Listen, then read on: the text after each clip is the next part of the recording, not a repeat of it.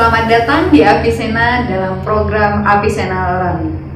Hai, kembali lagi bersama saya dengan Rina. Kali ini kita akan ngebahas topik tentang asuhan paliatif. Apa sih asuhan paliatif itu? Berapa menit ke depan kita akan ngebahas tiga poin ini, yaitu apa sih pengertian asuhan paliatif? Pasti para sahabat Apisena penasaran kan, apa sih paliatif itu? Kemudian prinsip-prinsipnya dalam asuhan paliatif dan asuhan menyuruh dalam asuhan paliatif. Nah, apa sih itu asuhan paliatif? WHO 2002 menyatakan asuhan paliatif itu adalah suatu pendekatan untuk meningkatkan kualitas hidup si pasien dan keluarganya. Ingat sekali lagi, pasien dan keluarganya. Nah, mereka-mereka yang mengalami masalah yang berkaitan dengan penyakit yang mengancam jiwa dan ini dalam asuhan paliatif melalui pencegahan dan meringankan penderitaan. Dengan apa? Tentu dengan mengidentifikasi gejala-gejala awalnya, kemudian melakukan pengkajian yang cermat menyeluruh. Kenapa cermat dan menyeluruh? Karena sebagai manusia kita adalah seorang yang holistik. Jadi pada saat pengkajian kita tidak hanya fokus pada fisiknya aja, tetapi juga bagaimana dampak fisik tersebut mempengaruhi psikososial kita sebagai manusia. Dan dalam asuhan paliatif tentunya dengan penanganan yang multidisiplin juga, terutama contohnya pada pasien-pasien dengan nyeri dan ini yang kita sebut adalah kualitas hidup untuk pasien kita. Nah, Sahabat Apisana bisa lihat di slide saya prinsip-prinsip dalam asuhan paliatif. Ya, sekali lagi di sini dikatakan berfokus pada kualitas hidup, yaitu meringankan penderitaan dan meningkatkan kualitas hidup. Dalam prinsip asuhan paliatif juga asuhan paliatif ini kita sangat menghormati keinginan pasien dan keluarga. Karena bagaimanapun pasien dan keluarga adalah menjadi prioritas dalam asuhan kita. Dan dari asuhan paliatif juga menegaskan bahwa proses kematian itu adalah hal yang normal. Dan salah satu prinsip yang paling penting adalah tidak mempercepat kematian dan tidak menunda menunda kematian tersebut. Di sini sahabat Apisra bisa lihat data dari eh, pasien-pasien uh, dewasa yang membutuhkan asuhan paliatif. Di slide ini kita bisa lihat prioritas bahkan data yang paling tinggi itu adalah dengan penyakit kanker itu ada sekitar 25,93 persen dan paling utama presentasinya terjadi pada pasien-pasien dengan gangguan jantung atau kardiovaskular urutan ketiga itu ada pada penyakit kronik obstruktif uh, apa uh, penyakit menahun atau gangguan paru menahun. Nah, Bukan berarti paliatif menyentuh tiga itu, tapi kita bisa lihat beberapa presentasi untuk eh, penyakit-penyakit uh, lain. Nah, dari sini ditekankan bahwa asuhan paliatif itu tidak hanya untuk pasien kanker aja, tapi bisa untuk penyakit-penyakit kronik lainnya. Kenapa asuhan paliatif itu butuh? Nah, karena kita tahu sebagian orang yang menderita dengan penyakit kronis itu mereka sangat menderita. Bahkan beberapa mereka meninggal dalam hal yang mengenaskan. Kenapa saya bilang di sini mengenaskan? Dengan penyakit kronik, apalagi prognosis mereka yang memburuk, tanda dan gejala semakin meningkat. Sementara pengobatan kuratif tidak bisa lagi dilakukan. Nah, di sinilah yang paling prioritas untuk kita memberikan asuhan paliatif. Kadang-kadang mereka mengalami nyeri atau gejala-gejala lain yang sulit banget untuk dikelola itu hanya masalah fisiknya aja. Sekali lagi, masalah fisik ini juga berdampak pada isi emosionalnya.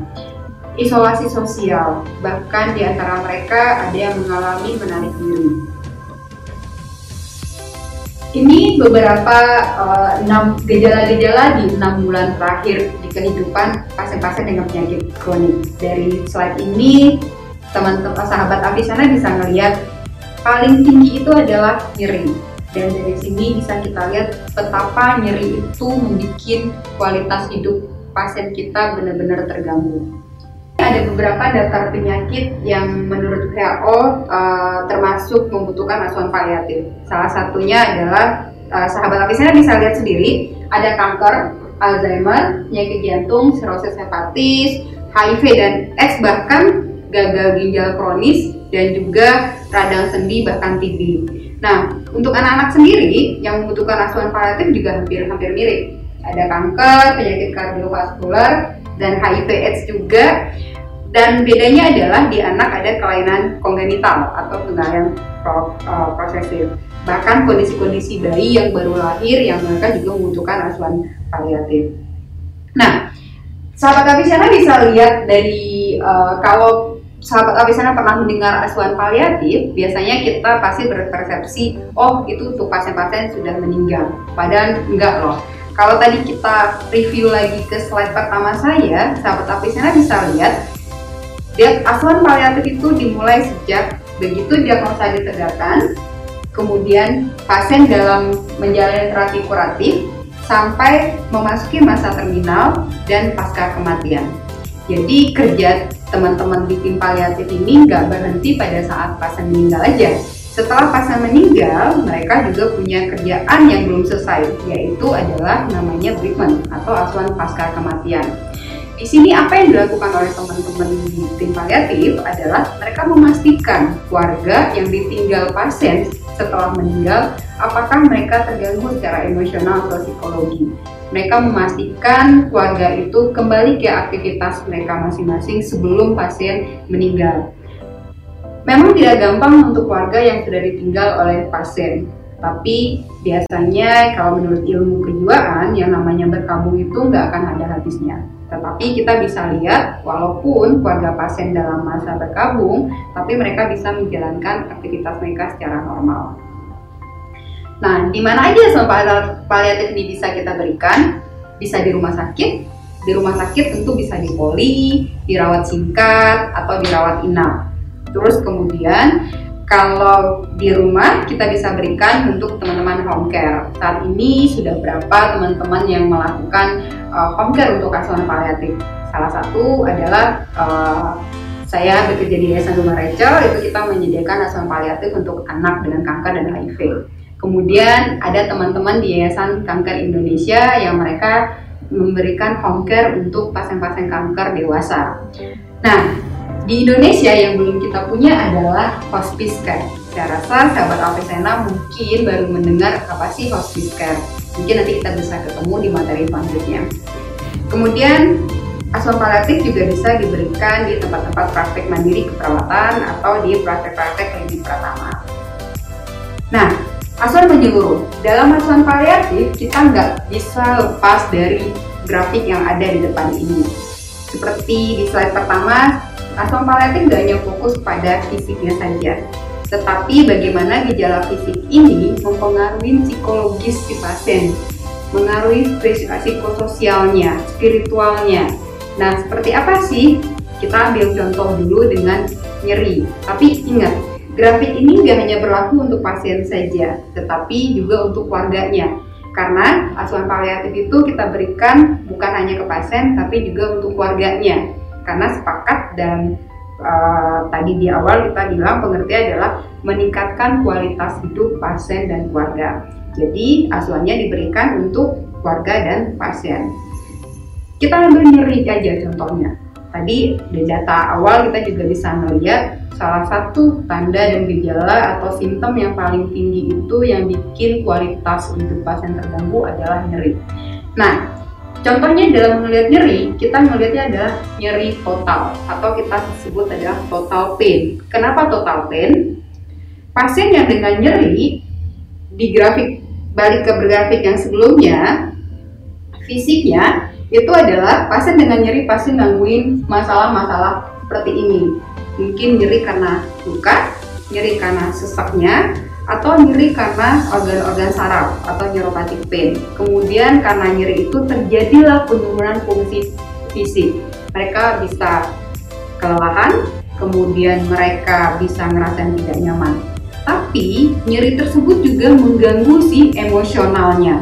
Kenapa? Orang dengan nyeri, sahabat Atusena mungkin pernah mengalami sakit gigi, dan itu nggak hanya berefek ke fisik kita aja, tetapi ke emosional. Apa yang terjadi? Kita akan mengalami depresi, cemas, amarah, bahkan kita takut akan hal-hal contohnya, waduh apalagi pasien dengan kanker, mereka takut akan kematian. Kemudian secara sosial ekonomi itu juga berpengaruh besar.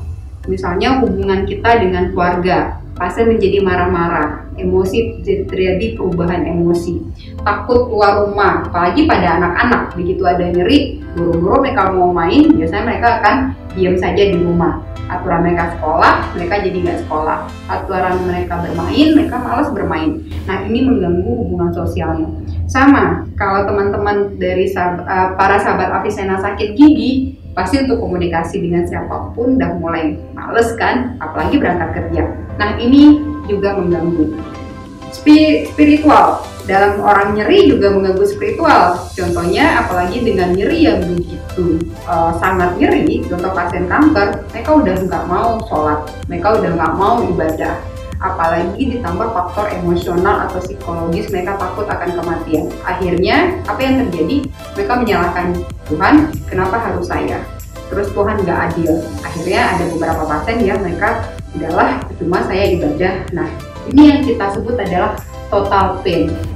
Nah, ini yang kita sebut asuhan paliatif. Tidak melihat secara fisik, tapi PN kita sebagai perawat adalah mengelola semua masalah ini.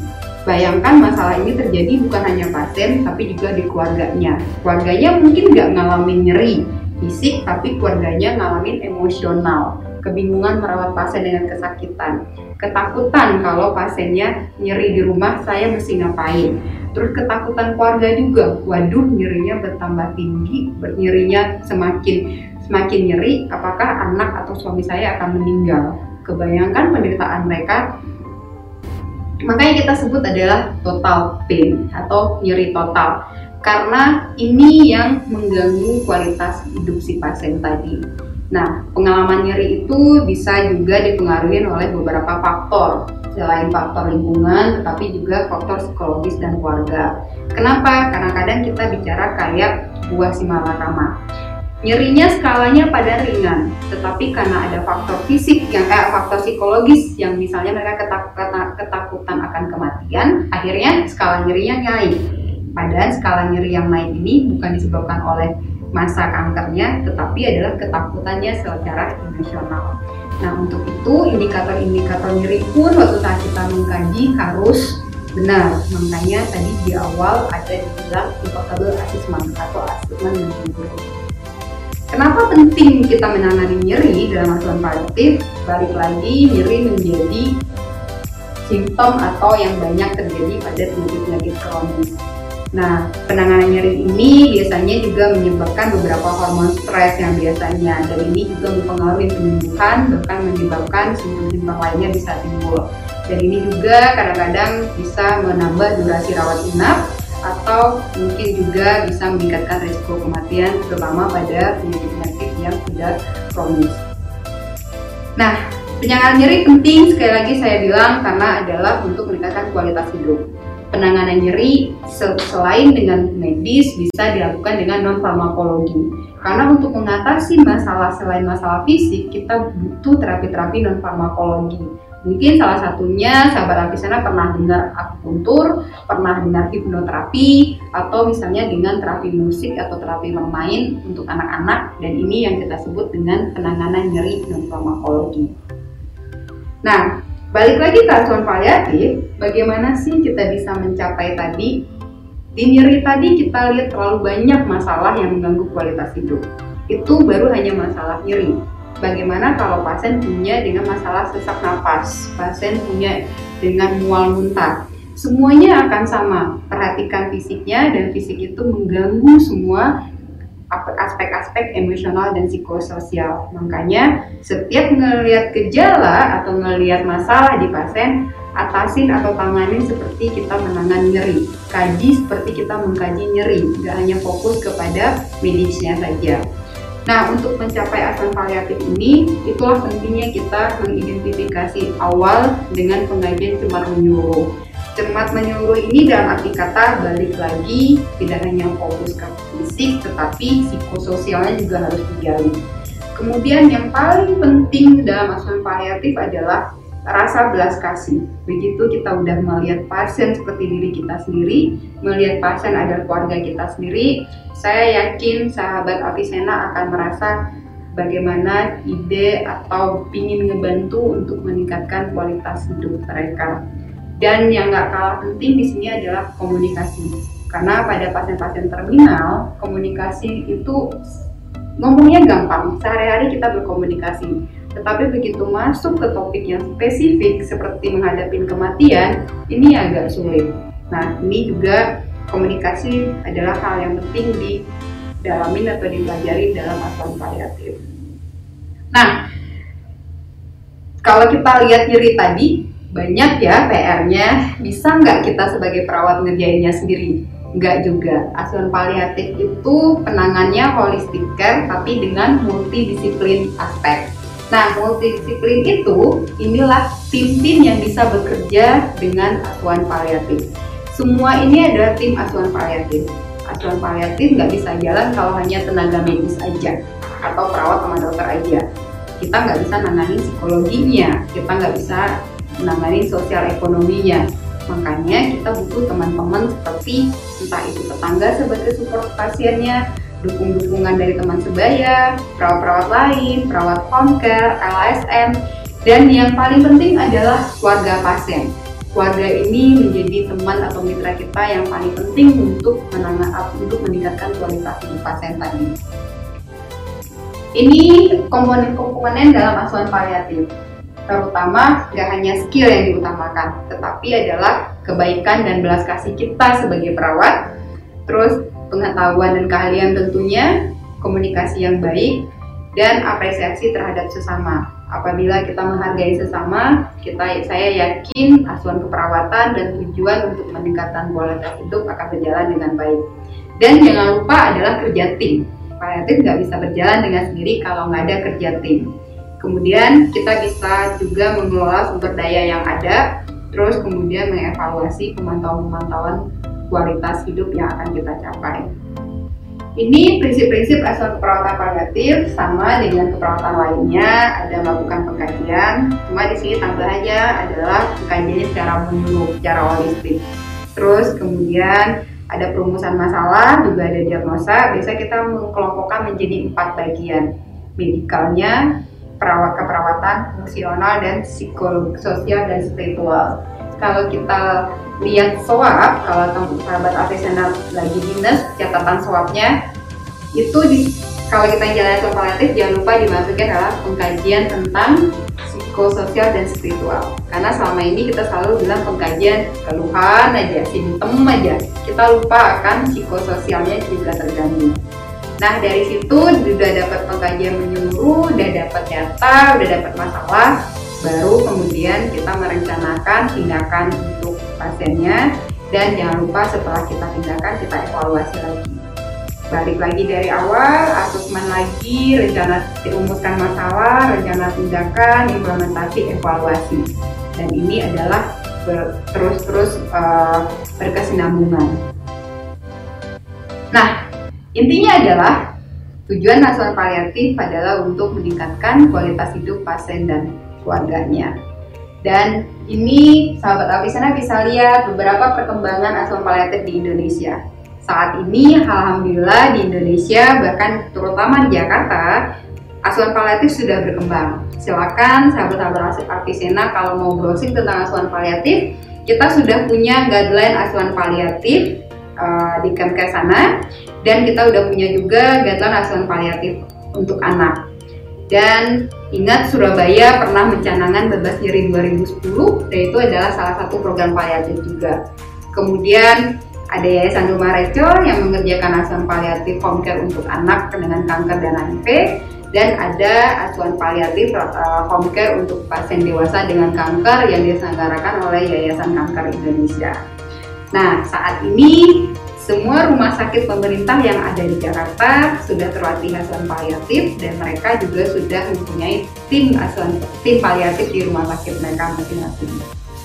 Ini ada beberapa referensi tentang asuhan paliatif yang sahabat Apisena bisa Google nanti. Oke, itu sedikit uh, tentang asuhan paliatif untuk hari ini. Bila sahabat Apisena ada pertanyaan atau ingin diskusi, silakan menghubungi kolom diskusi kita di web Arpisena. Dan untuk hari ini terima kasih dan sampai ketemu di topik yang lain di berikutnya.